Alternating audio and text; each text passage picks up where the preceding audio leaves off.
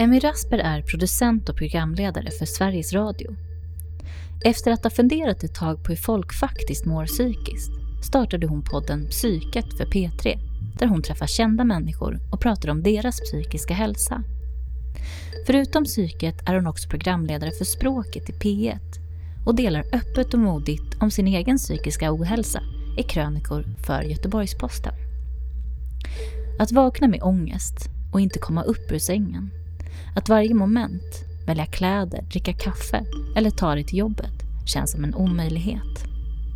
Att det enda alternativet du ser är att ringa och sjukanmäla dig. Du säger att du är förkyld, förmodligen har feber och att du därför bör stanna hemma. Men du är inte förkyld. I en av Emmys krönikor skrev hon om just det här problemet. Hon var trött på att ljuga om hur hon mådde. Hon uppmuntrar andra till att våga vara ärliga, sluta skämmas. Och för att våga ta steget föreslår hon att man kan använda begreppet psykiskt förkyld. Om du känner igen dig är du förmodligen inte ensam då krönikan delades flitigt och fick ett fantastiskt bemötande.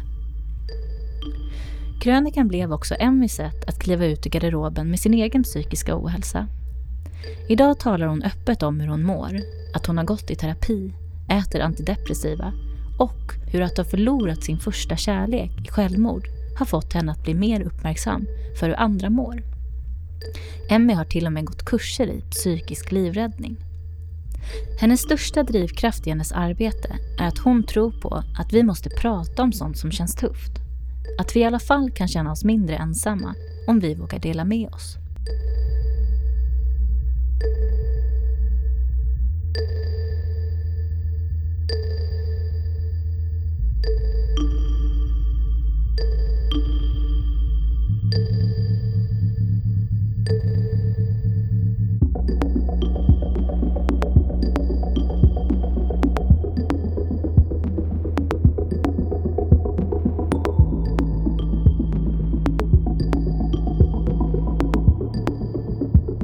Välkommen till Medberoendepodden, Emmy. Tack så mycket. Jag tänker att jag börjar med en sån här liten tråkig standardfråga som, eh, som alla brukar få svara på. Och det är om du vill berätta lite om vem du är och vad det är du gör. Ja, men jag heter ju Emmy Rasper. Jag eh, är 34 år och bor i Göteborg, uppvuxen i Göteborg. Jag bor med min eh, kille Robin i en liten lägenhet i Majorna. Ja, men jag vet inte vad jag ska säga mer om mig själv. På det. Alltså så här, ja, det, det är en del av mig, yttre faktorer. Sen så jobbar jag som journalist på Sveriges Radio och har gjort det länge. Alltså i sommar tror jag det är nio år jag har jobbat där. Och jag har gjort massa olika saker på radion. Men nu de senaste tre åren, tre, fyra åren så gör jag egentligen två grejer. Dels språket i P1, som är ett program om svenska språket. Och sen gör jag ju min podd Psyket för P3. Och den har jag hållit på med de senaste två åren. Mm. Och sen skriver jag också krönikor en gång i månaden i Göteborgs-Posten. Jag ska sluta med det nu faktiskt. Mm. Lite tråkigt. Men jag har gjort det också de senaste typ tre, fyra åren. Mm. Hur kom du på idén med Psyket? Jag kan säga från början också, då, bara för de som inte vet, så är Psyket en podd där du egentligen träffar olika kända personer och pratar om deras psykiska hälsa. Så. Men eh, hur kom du på idén med Psyket? Jag kom på grunden, kan man säga, för flera år sedan. Alltså det är nog sju år sedan. Och då skickade jag eller, och då, jag ska säga, då var det så här. Då var jag i någon sån här fas där jag, jag pratade inte om min egen psykiska hälsa med folk. Och absolut inte på jobbet. Jag jobbade på P3 då och var så här, presterade mycket och mådde alltid bra på jobbet. Eh, det gjorde jag inte, men jag låtsades det. Och, ehm, men jag hade börjat... Jag hade nog börjat tänka ganska mycket kring det här med att prata om hur man mår. Och letade efter ja, men, radioprogram eller tidningsartiklar eller tv-program som handlade om det här. Och då var det, jag var inte ute efter sådär om psykisk sjukdom och så, för det fanns väl lite grann sådär. Utan jag ville ha just det där så som jag själv mådde. Lite odefinierat sådär, att man har ångest eller bara ibland blir deprimerad. Alltså det där, ja. Jag hittade ingenting. Och det födde nog någon form av tanke om att men jag kanske kan göra detta. Så jag skickade in ett programförslag till min dåvarande chef och fick bara så här svar jättesent. Och sen typ, nja, kanske för P1. Ja, och så bara rann det ut i sanden. Och det var ju en helt annan tid då. Alltså det har ju hänt jättemycket på de åren. Men jag eh, ger ju inte upp utan är en ganska envis person så jag fortsatte höra av mig, eller ja, fortsatte skicka in det här programförslaget. Och förbättrade det och så. Jag ska inte liksom skylla allt på den här chefen, det kanske inte var ett bra programförslag från början. Men grundidén fanns ju där. Och sen så eh, plötsligt fick jag igenom den. Tiden var väl mogen på något sätt. Um, men det grundar sig absolut i en idé om att uh, jag ville höra de här berättelserna och hittade dem inte. Vad har du fått för liksom respons eller reaktioner så när du har pratat med de här personerna då? Jag tänker att en del har ju lätt att, att tala om sin psykiska hälsa och så här, medan andra, andra fortfarande kanske känner skam och svårt att sätta ord på de här grejerna. Så, vad, hur känner du att du har blivit bemött när du har kontaktat dem eller de har liksom varit öppna på något sätt kring, mm. kring det här? Det är väldigt olika. Jag får ju också många nej, ska ju sägas.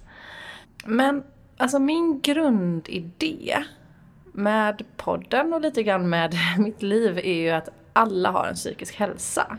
Och att alla människor mår, mår olika bra och dåligt psykiskt genom livet. Det där säger jag ju i podden också hela tiden. Men, och det är ofta så jag försöker nå fram till mina intervjupersoner. Jag säger ju inte så här, hej, jag har hört att du har jättemycket problem med ångest. Eller jag har hört att du har den här diagnosen, vill du vara med i min podd? Det är inte så jag frågar dem. Utan mer så här, jag gör den här podden, jag pratar om hur människor mår psykiskt. Och hur vi alla mår på olika sätt genom livet. Vill du vara med och prata om det? Mm. Och de som vill vara med är ju på olika sätt öppna för att prata om det. Men sen är det ju många som tackar nej. Och det beror ju både på att de inte känner igen sig såklart. Men sen finns det ju, det vet jag ju folk som säger jag tycker din podd är jättebra men jag är inte redo för att prata mm. om det här.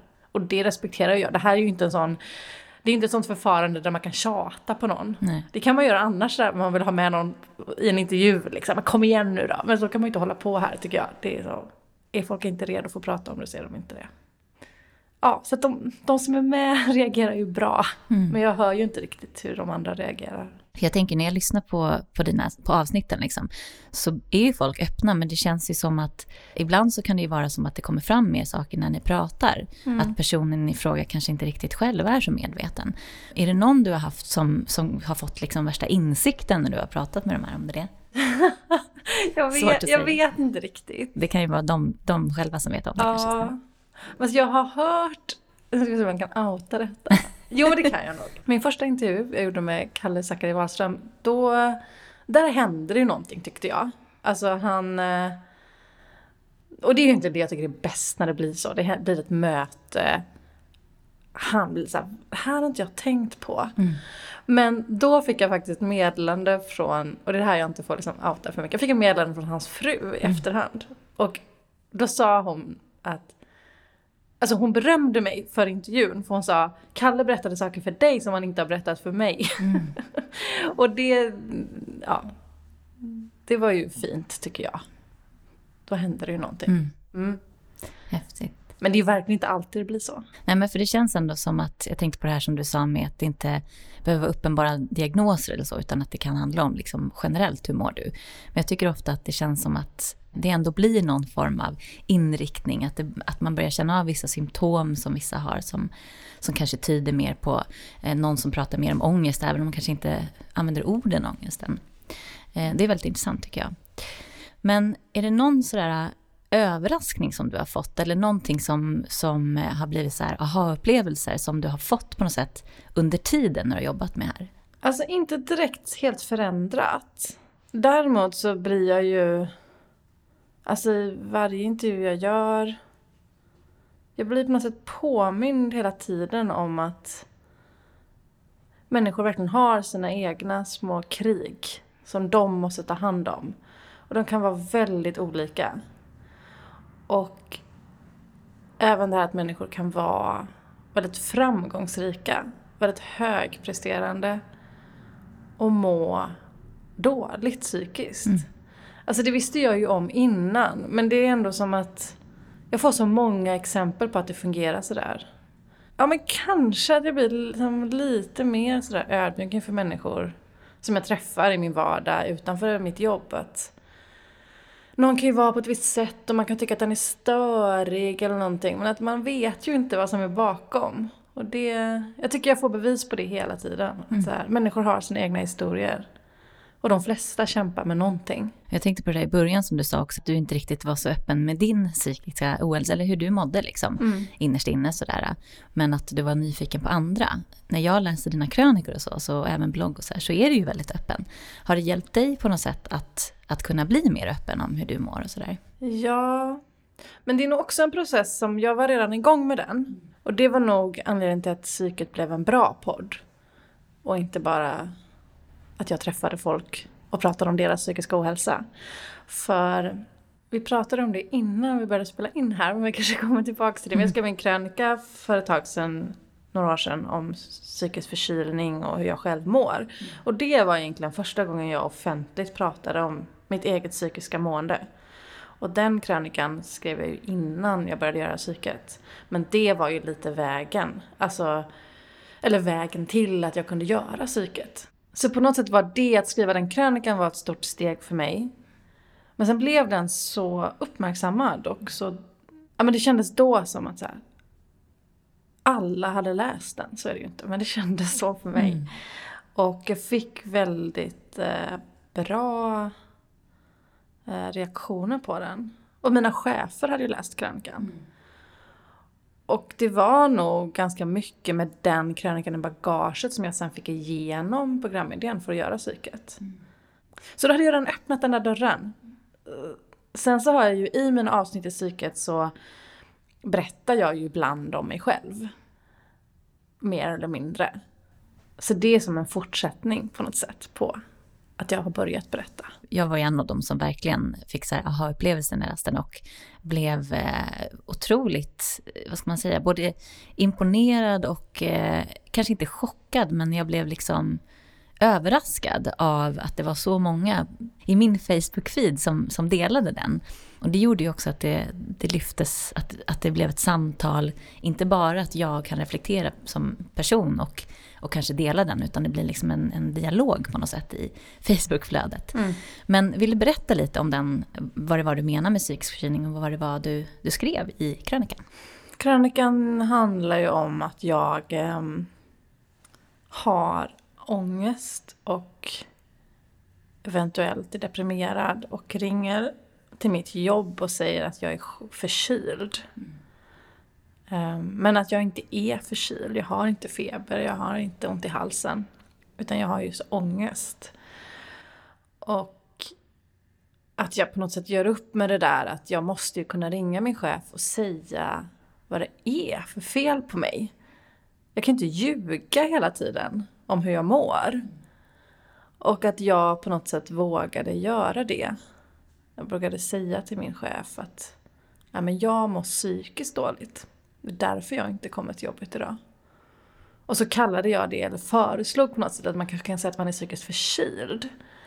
Och det kan man ju diskutera, det begreppet. Men det handlade väl om att så här, och det, eller, ja, det där handlar ju om tabun och skam. Mm. För att många vill inte säga jag är psykiskt sjuk. Och varför vill man inte det? Ja men det handlar ju om massa fördomar då om hur människor som är psykiskt sjuka är. Och människor som har en psykisk diagnos, hur de är. Mm. Så det där är lite problematiskt tycker jag. För varför kan jag inte säga att jag är psykiskt sjuk? Då ska jag säga något lite mildare. Mm. För jag mm. vill inte vara en sån galning som har en psykisk diagnos. Så jag är inte helt överens med mig själv här. Men det var ändå, för mig var det nödvändigt att hitta ett lite mildare begrepp. Men också i kommunikationen. Alltså att kunna säga till en chef, jag är psykiskt förkyld. Och en förkylning går ju över. Kanske av sig själv. Mm. Eller så kanske jag måste äta lite medicin. Eller träffa en läkare som kollar i min hals. men jag är inte psykiskt sjuk. Det här är inte en kronisk diagnos jag har. Alltså, ja men det... Ja du hör, jag är inte... Nu är jag här. Mm. Inte helt klar med det. Men ja. Men det var ju det på något sätt krönikan handlade om och jag skrev den för att jag...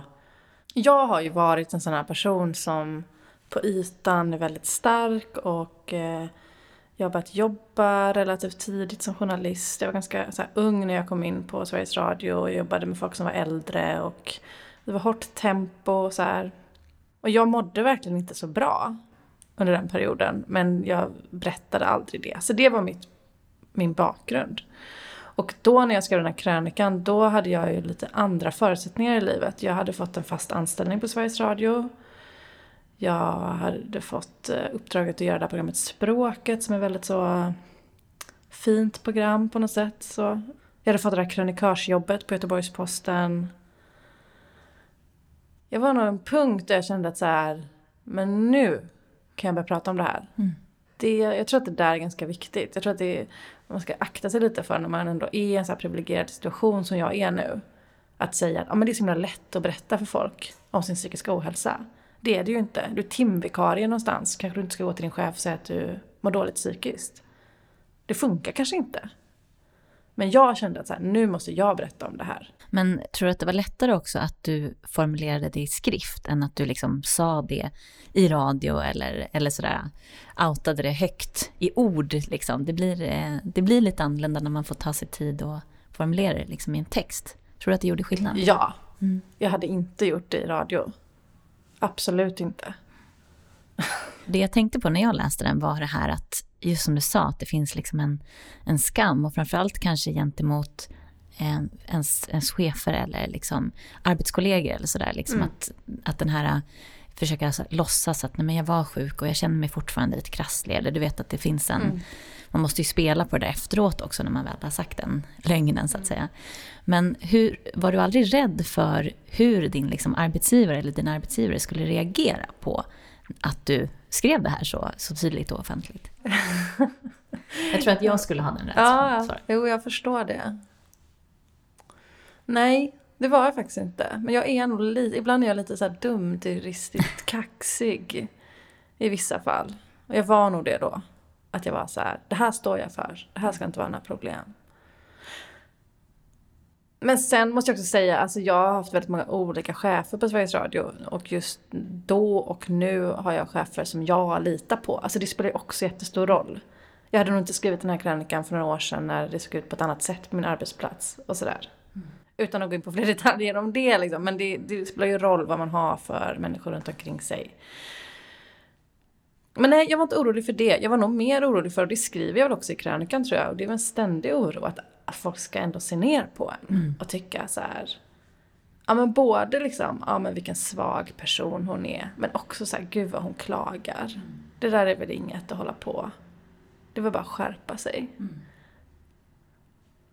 Den oron tror jag var starkare. Och den känner jag fortfarande på något sätt.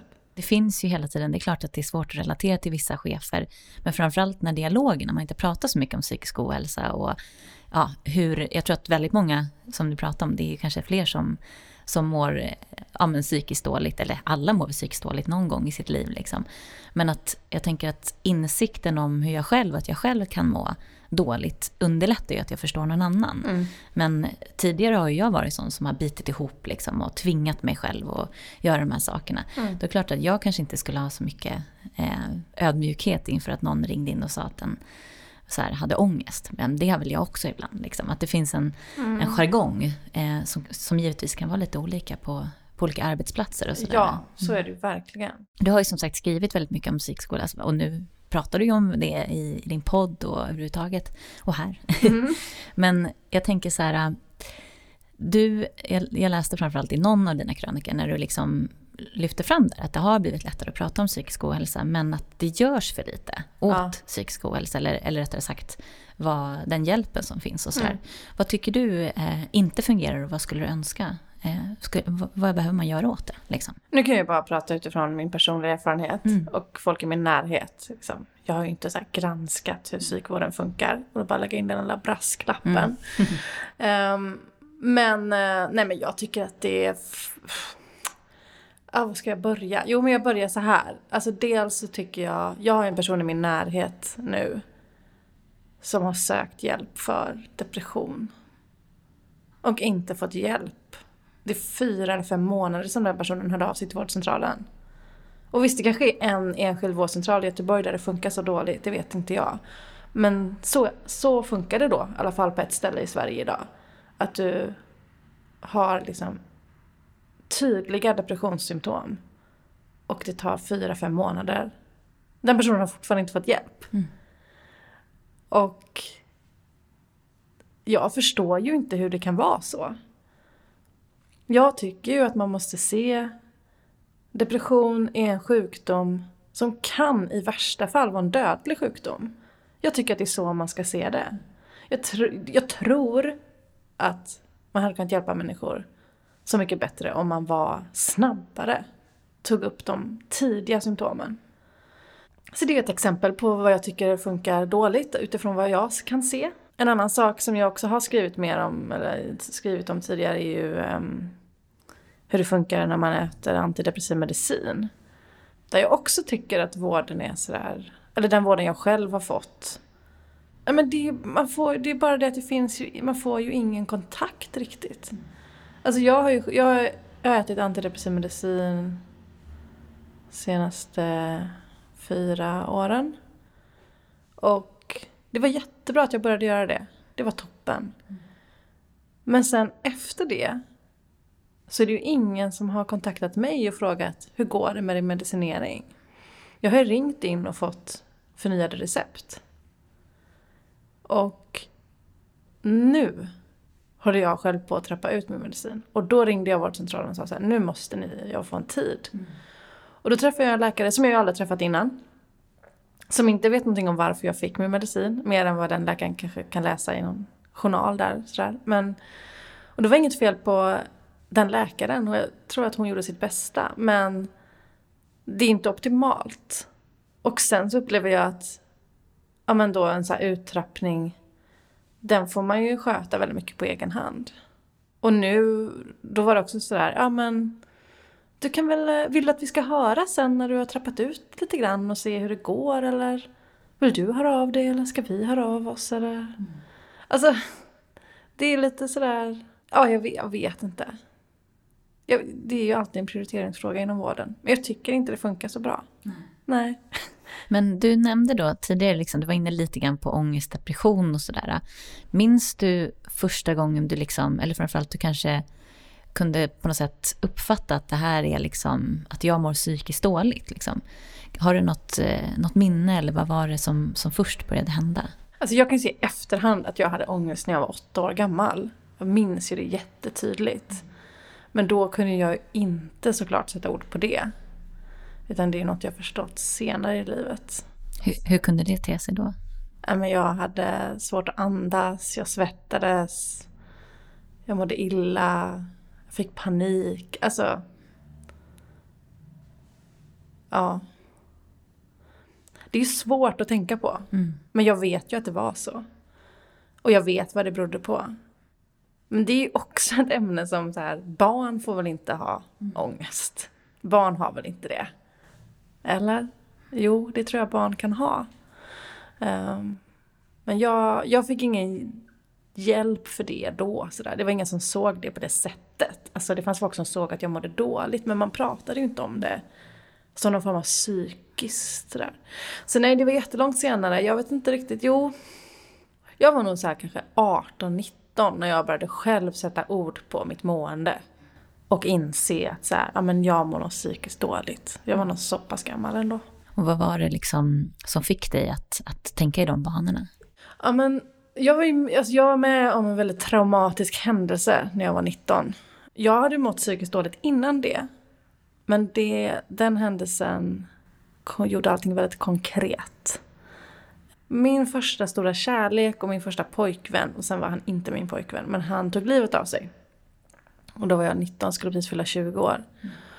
Och det var ju som att, eh, alltså jag gick igenom en jättestor sorgeprocess och också sådär som jag tror att de flesta som är med om att någon tar livet av sig, man går igenom ja, men skuld och man ifrågasätter, eller jag gjorde det i alla fall, jag behöver inte prata om andra. Jag ifrågasatte väldigt mycket sådär mig själv och min relation till honom och vad hade jag kunnat göra och ja, men det är så ofattbart som händer. Det går alltså, det går ju inte att förstå sådär. Och så bara kom det som en, en stor händelse i mitt liv på något sätt som jag Ja du hör, jag, liksom inte riktigt, jag vet inte riktigt vad som hände med mig. Jag vet att jag, så här, jag hade psykiska problem innan det.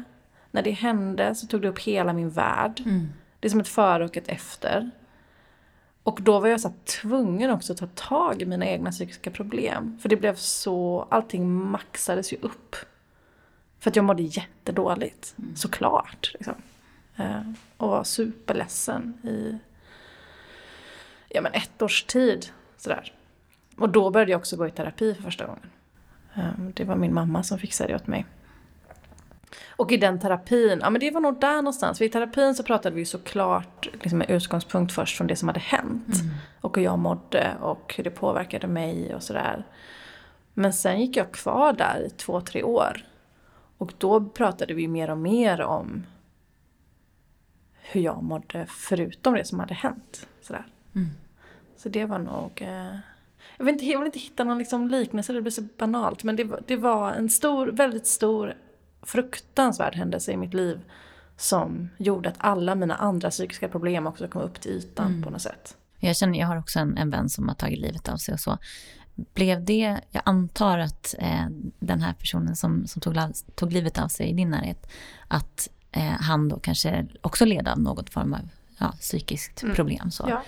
Blev det ju också en, en varningsklocka, tror du? Att du liksom kände att wow, det här, det här kan gå så här långt. Liksom. Mm. Verkligen. Mm. Inte så mycket för min egen del just då. Men det är det ju. Men jättemycket i min relation till andra människor. Och så är jag ju fortfarande. Alltså, jag... Eh, om människor visar tecken på depression eller andra typer av psykisk ohälsa så jag måste ju fråga hur det är och om jag kan hjälpa till. Alltså, det ju, kan ju ibland bli ganska jobbigt. Men det är absolut en konsekvens av det. Att jag eh, kommer aldrig...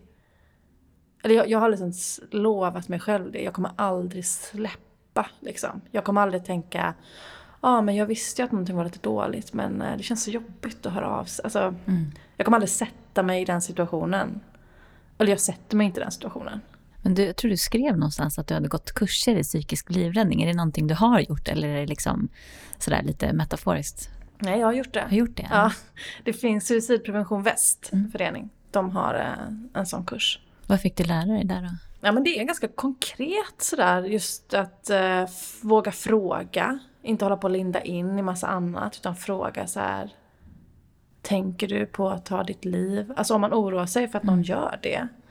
Och varsamt på något sätt försöka få en bild av hur personen mår och hur långt den har gått i sina tankar. Och det finns ju varningssignaler som eh, de som forskar kring det här ser. Att så här, om personen pratar på det här sättet, om den är konkret i sina planer eller så här. Så sådana saker har ju jag då lärt mig att se.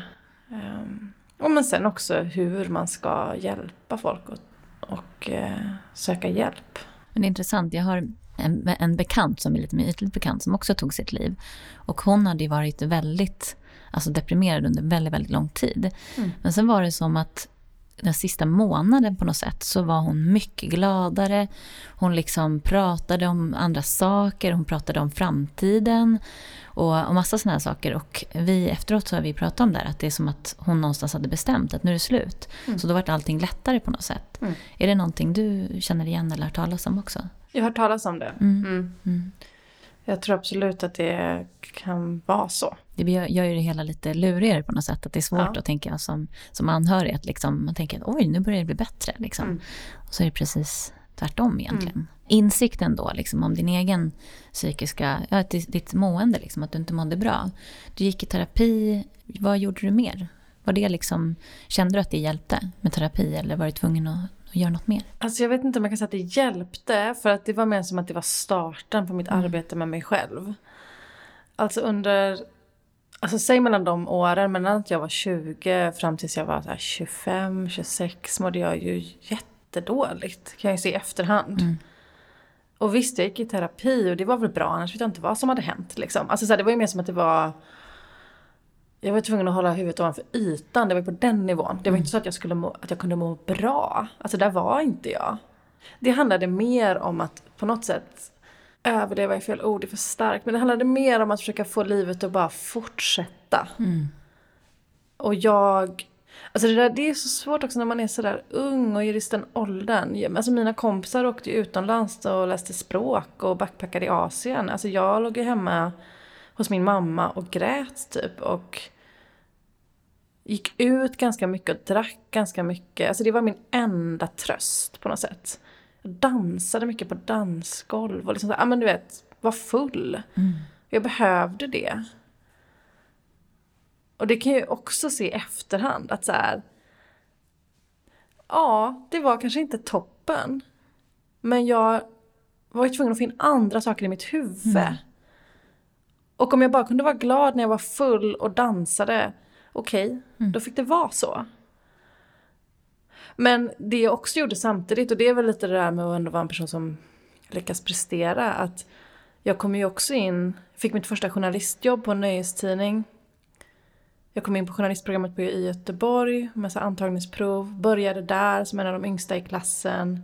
Gick klart den utbildningen och var liksom färdig journalist när jag var 24-25 år. Och började jobba på Sveriges Radio.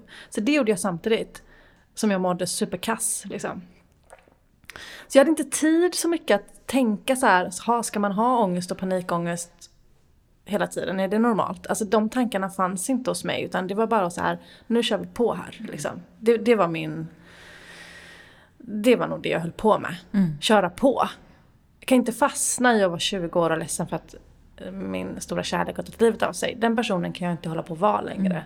Så det var på riktigt faktiskt när jag, som, efter 25 någonstans, så här, som jag mer började jobba med mig själv och mitt mående. Men det är intressant att du säger det, för jag tänker det är lätt att gå in och kanske värdera vad man ska göra då om man mår dåligt. Eller ja, man säger jag, men överhuvudtaget så känns det som att folk har olika åsikter. Men du borde göra si, du borde göra så. Men vi gör ju så gott vi kan enligt liksom, där vi är i livet. Och jag kan också känna igen det där att på något sätt jobbet är liksom lite konkret. Det är lättare att om jag gör det här så når jag till det här. Liksom.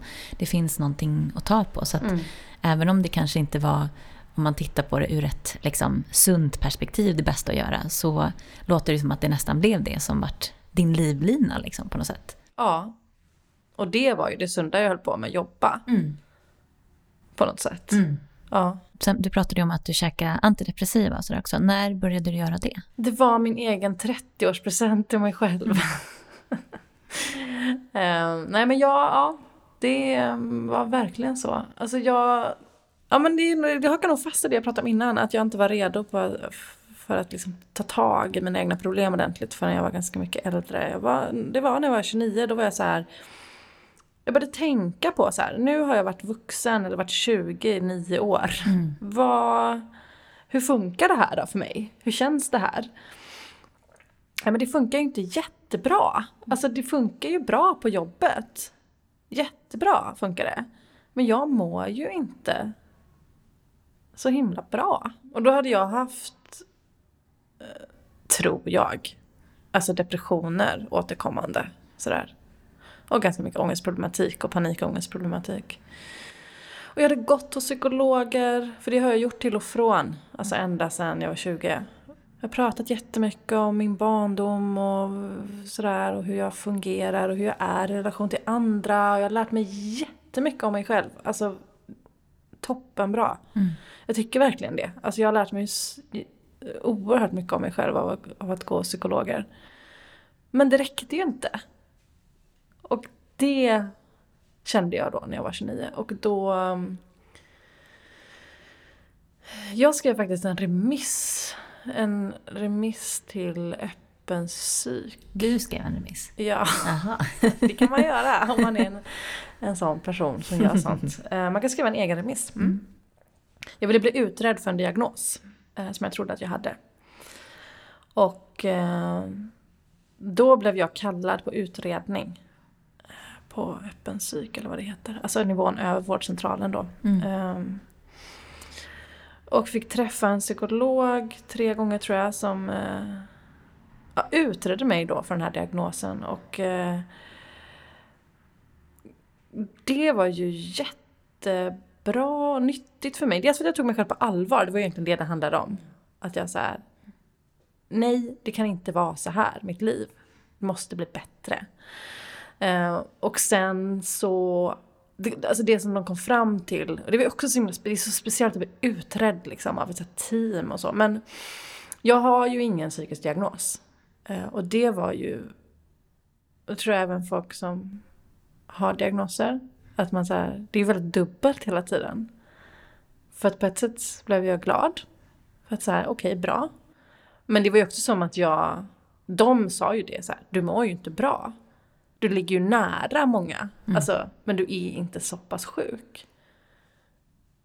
Men och då så var de väldigt tydliga med mig, det här teamet där, att men du är ju deprimerad. Du måste ta tag i detta. Vi kommer skriva en remiss nu till vårdcentralen. Vi rekommenderar verkligen att du äter medicin. Mm. Och det var också jätte, det var jättebra. Där var ju vården bra till slut på något sätt. Så det var därför. Och jag var jätteskeptisk till medicinering. Jag har varit det sedan jag var ja, men runt där 20 liksom. Jag, nej, ska man hålla på och mixtra med sin hjärna och jag klarar det här själv och ja men du vet massa sådana idéer. Mm. Men då, det var väl den här punkten jag kände bara nej men det här funkar ju inte uppenbarligen inte. Nu har jag kämpat på här i snart tio år och det funkar inte. Så jag måste testa det här med medicin. Och då, det var ju superläskigt och svårt. Men, eh, men det har hjälpt mig, jag är väldigt glad att jag vågade göra det. Det finns negativa saker att säga om medicinering också mm. men ja, det, var, det var rätt för mig just då i alla fall. Det hjälpte dig liksom? Ja. Mm. Jag har inte gått ner i de djupa depressionerna efter det. Jag faller inte så hårt. Jag är ju bipolär. Och för mig var det ganska lätt att få göra en utredning. Och sen började jag äta medicin. Jag var också, precis som du, väldigt skeptisk. Eh, och liksom på något sätt vill inte tro att det här kemiska är den rätta lösningen och sådär. Men medicinen hjälpte mig väldigt mycket. Men däremot uppföljningen, precis som du pratade om mm. innan. Att jag blivit slussad till bara olika läkare ehm, och att jag har liksom fått ringa in och ska få tag på recept och varenda gång så är det så telefontider och så står man i kö och så tar kön slut liksom och så får jag vara utan medicin i liksom ett antal dagar och börjar må jättedåligt. Mm. Och det har ju jag också varit väldigt, väldigt kritisk till. Men du upplevde att antidepressiva fungerade. Men så pratar du om att du är på trappa ner. Vad, hur kom det sig? Liksom? Och hur, hur så att säga, såg situationen ut? Ja, men det är ju igen då att jag på något sätt stannar upp och reflekterar lite. Ja, men jag tror så här, då när jag började äta medicin, då var det så... Det var så himla skönt att bara äntligen känna att någonting fungerade. Mm.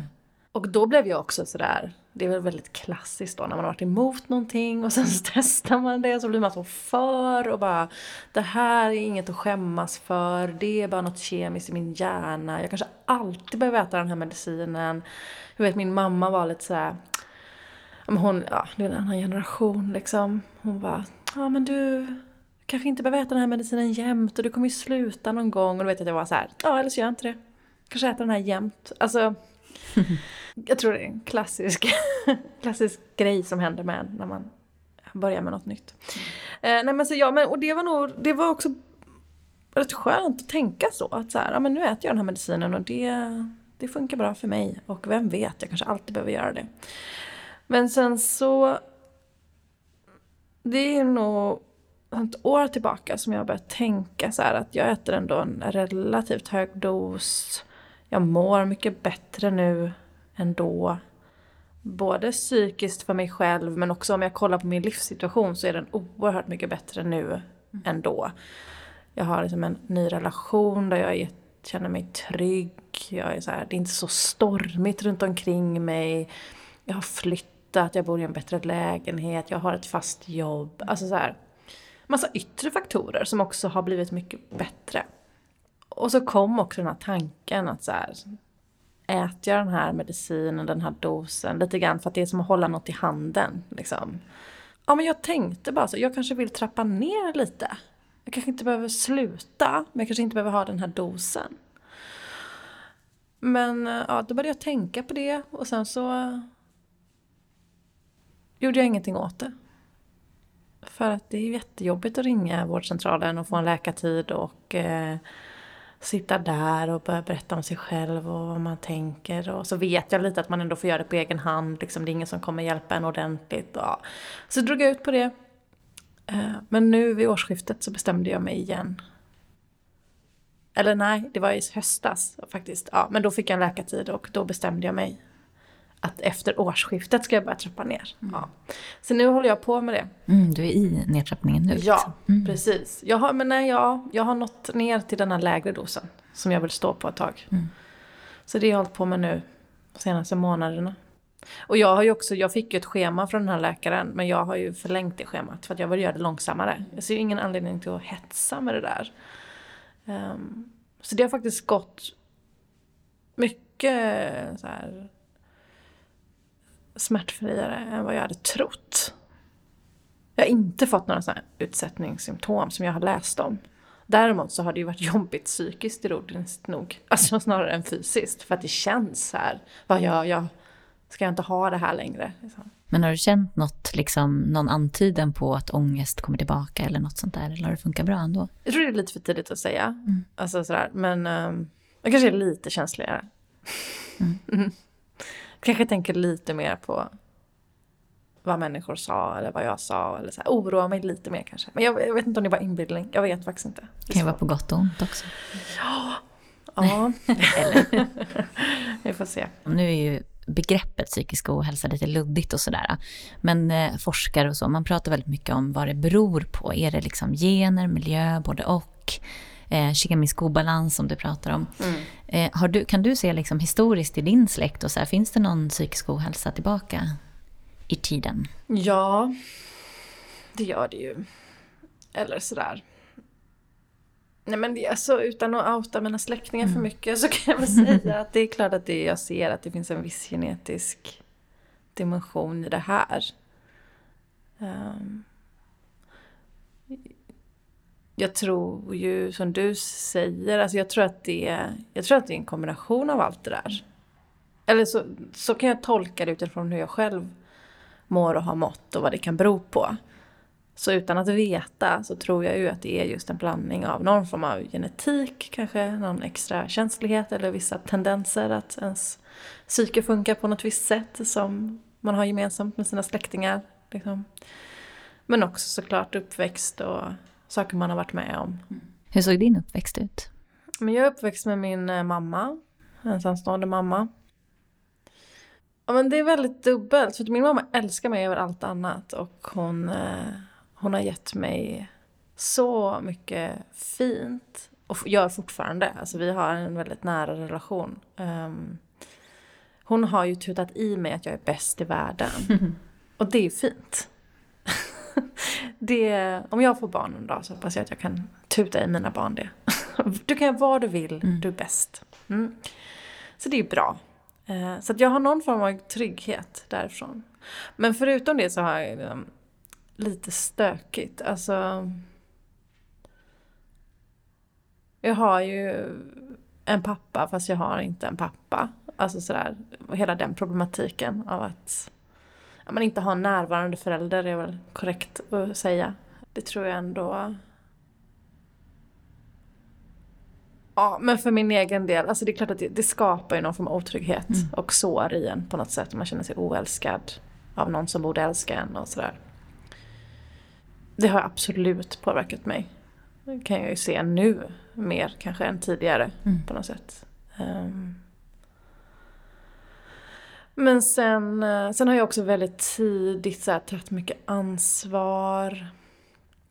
Jag har varit ganska vuxen. Ehm, det beror på olika saker men... Så det, det där, och jag vet, tror att du har lite, om jag har läst lite av det du har skrivit och sådär, att det där att liksom vara väldigt självständig och ta hand om sig själv och vara stark.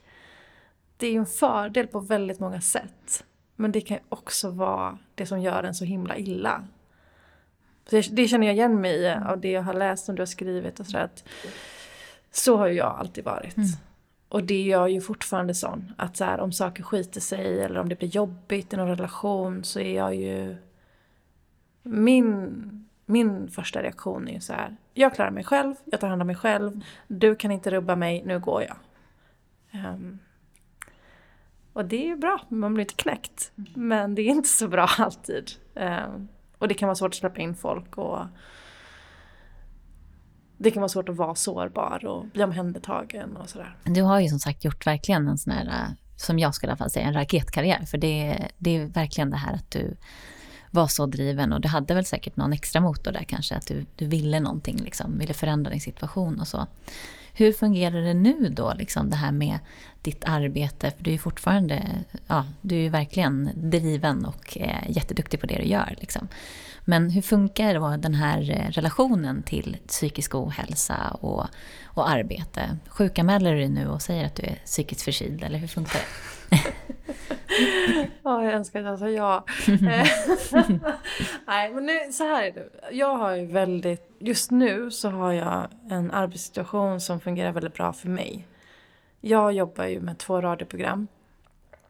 Språket och psyket.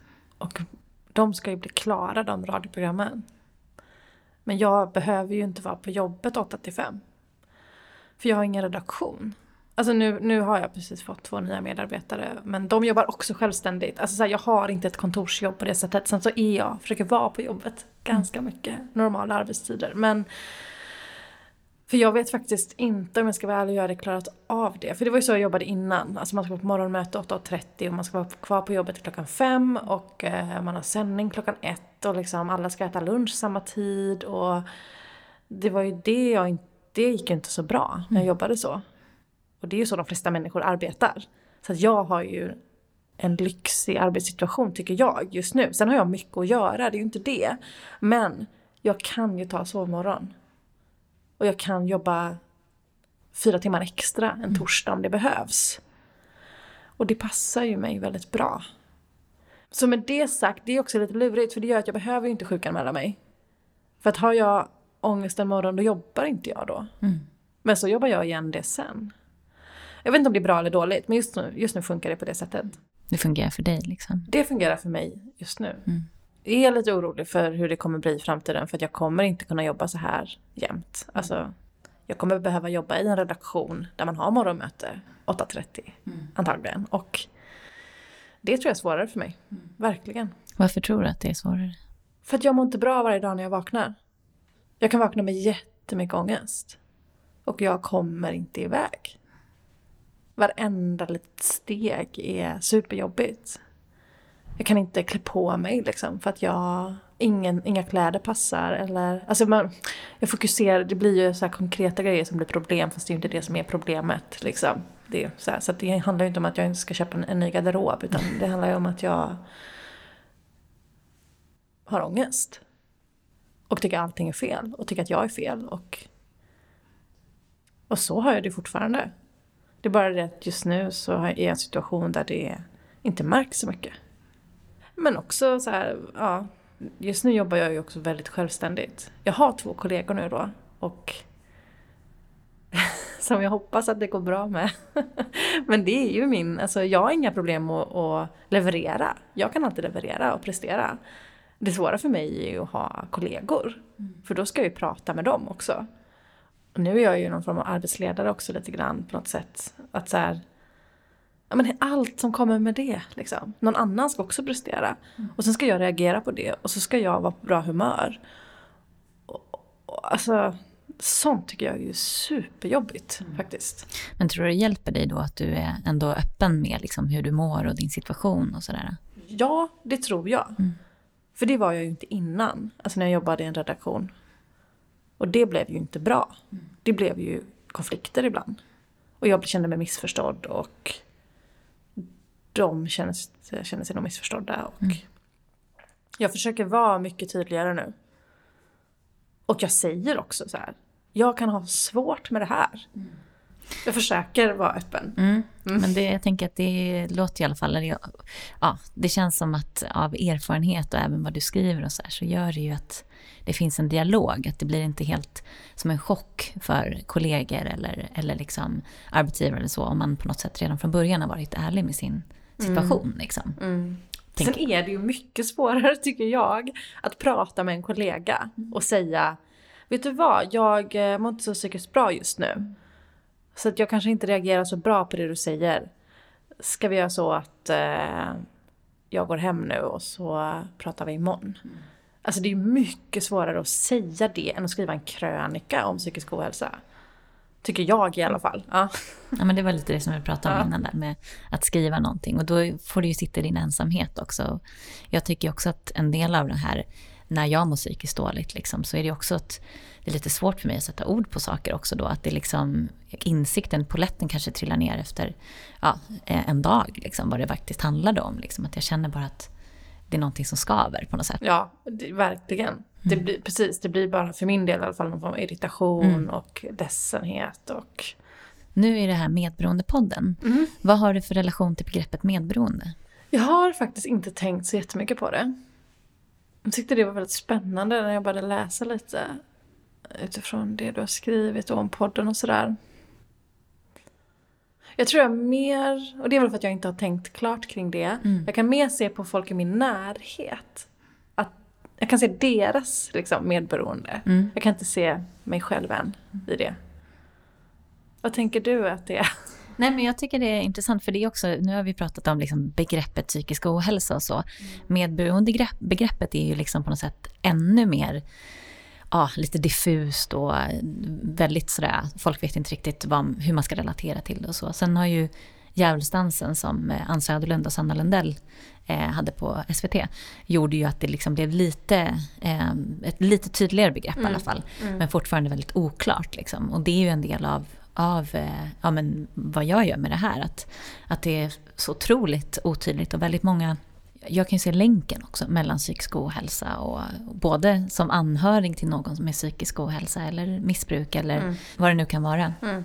Men också att eh, det är väldigt många som lever i det här, som vi pratade om innan, att man är otroligt stark och har lärt sig att anpassa sig och så. Och att det sen genererar eller leder till utmattning eller depressioner eller så.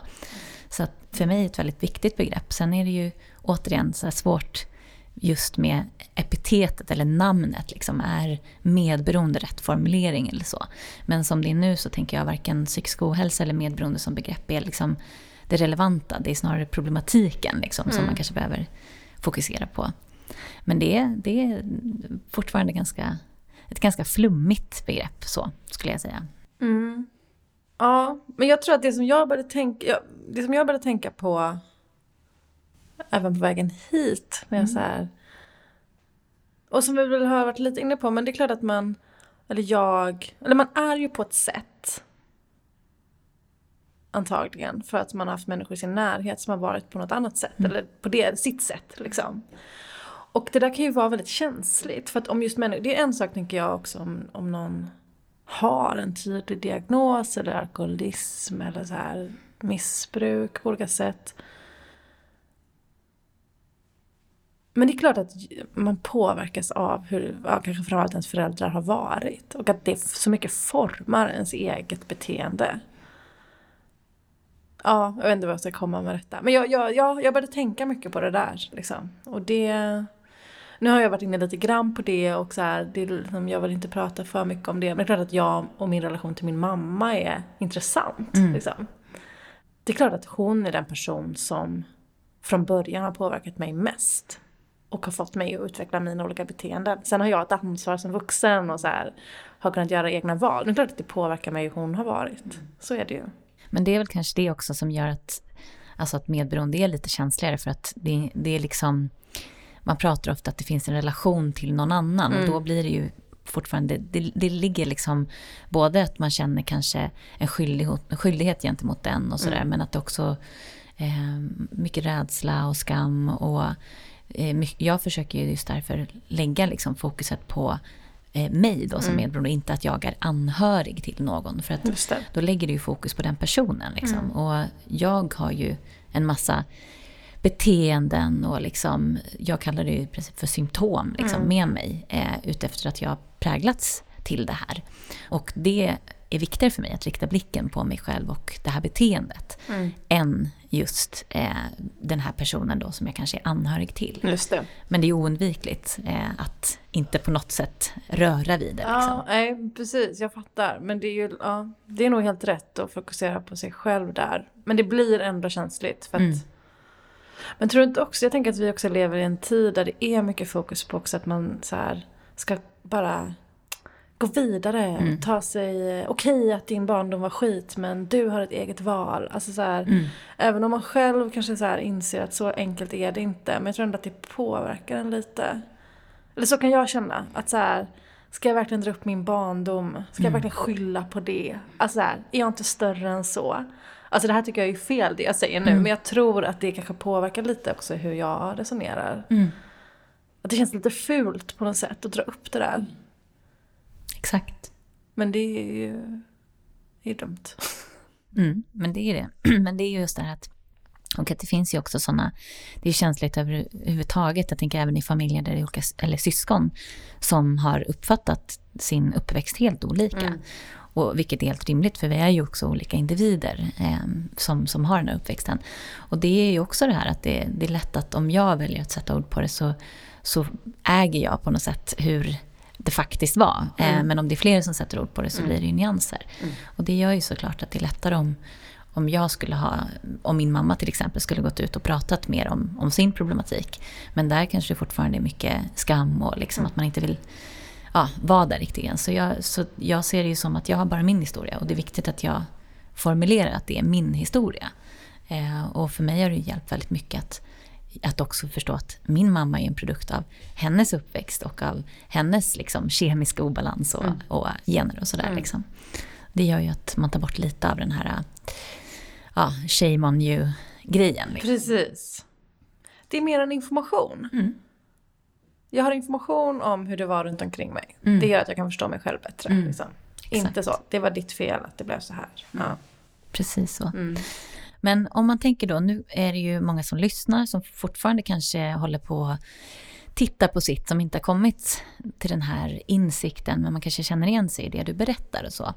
Nu har du ju också erfarenheter av att det kanske inte varit helt lätt att eh, komma i kontakt med vården och så här. Har du något tips? Alltså är det något sådär, vad ska man tänka på om man till exempel då eh, börjar fundera på att söka hjälp? Hmm, det är så svårt men jag tänker att Ska man skriva sin egen remiss? ja, det borde inte behöva vara så.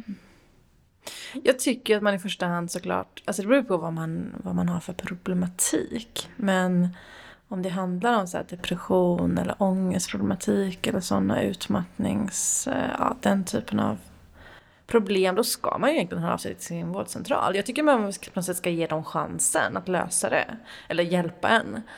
Men sen får man väl ha lite beredskap för att det inte alltid går. Så jag tycker att man ska testa och kontakta sin vårdcentral. Jag tycker ju fortfarande att vägen ska gå. Alltså det måste ju vara vägen. Det är ju så det är tänkt. Sen finns det ju många, det försöker jag säga när jag har lite yngre vänner, att det, alltså, om man är just student eller sådär så kan det finnas bra psykologer och hjälp att få genom till exempel universitet och högskola om man pluggar. Alltså, det kan finnas vissa så här föreningar och till och med ungdomsmottagningar som har ganska mycket högre upp i åldrarna. Alltså, det finns ju lite andra ställen man kan söka hjälp också. Men det är, jag tycker det är så kluvet, för jag tycker det viktigaste är att man söker hjälp. Mm. Att man vågar så här, säga, jag mår inte bra. Det här är ett problem för mig. Hjälp mig. Det är det viktigaste. Mm. Att man vågar uttala det. Och ta sig själv på allvar. Och sen önskar jag bara att samhället stod där och kunde hjälpa en ordentligt. Tyvärr är det inte alltid så. Men jag vill inte, ibland vill jag inte så trycka så mycket på det för jag vill inte att folk ska bli rädda för att söka hjälp. Men ja, så det där är ju jättesvårt tycker jag. Men utifrån det du har skrivit och så, så låter det som att man liksom behöver kämpa lite. Att inte att det är lätt att liksom kanske känna en motgång, så orkar man inte, men att det krävs lite kraft, att man får liksom kanske ge det lite, något extra försök om man inte får napp första ja, gången. Ja, det måste man ju försöka. Men jag vill inte att det ska vara så. Men Nej. så är det ju. Jag tror det är också så, det är, så, det är ju ett problem i sig att det är så himla olika. Alltså vilken, var du bor mm. i Sverige. Om du bor i en större stad är det vikt, olika vilken stadsdel du bor i eller vilken vårdcentral du tillhör. Det kan vara olika på samma vårdcentral ett år efter ett annat. Alltså, det är ju så himla svajigt. Men någonstans så ändå just det att om man känner igen sig att man ändå liksom ska försöka ta hjälp. Liksom, att inte bara då gå runt med det. Och... Ja, men det ska man absolut inte göra. Man ska inte gå runt med det. Jag tror att man ska verkligen försöka sätta ord på vad det är som är jobbigt. För det är ju också så, det vet man ju bara även om man söker vård för något helt annat. Alltså att man har så ont i magen, säger de så. Vadå ont i magen? Alltså man måste ju försöka vara konkret och det är ju jättesvårt. Men det kan man ju faktiskt börja med hos sig själv. Försöka prata med sig själv. Okej, jag säger att jag mår dåligt. Men vad är det då? Och vad är det som inte funkar i mitt liv? Konkret, liksom. Är det att jag tycker det är jobbigt att gå till skolan? Eller så här, tycker jag det är... Kan jag inte åka buss? Eller är jag så ledsen att jag... Alltså man får väl försöka... Jag tror det är bra att försöka konkretisera. Det försöker jag också göra med vänner om de mår dåligt. Sådär. Men vad är det? Mm. Vad är problemet? Inte på ett så negativt sätt utan mer ut, utveckla ditt problem. liksom. Mm. Jag tror att vi låter det bli sista ordet och givetvis så ska man ju lyssna på, på psyket och vi länkar då till, till psyket och språket och dina fina krönikor och allting så att man kan följa upp det här direkt. Tusen tack Emmy. Tack för att jag fick vara med. Tack. I SRs app eller via andra podcastappar kan du lyssna på Emmys podcast Psyket och programmet Språket som hon gör för P1. I Göteborgs-Posten kan du läsa hennes krönikor som du finner länkade via vår hemsida. Adressen är www.medberoendepodden.se. Där kan du även läsa mer om medberoende och var du kan vända dig för att få hjälp. För att bli först med våra avsnitt kan du via iTunes prenumerera på Medberoendepodden. Där får du även gärna betygsätta podden för att fler ska kunna hitta oss. I sociala medier heter vi Medberoendepodden. Följ oss där.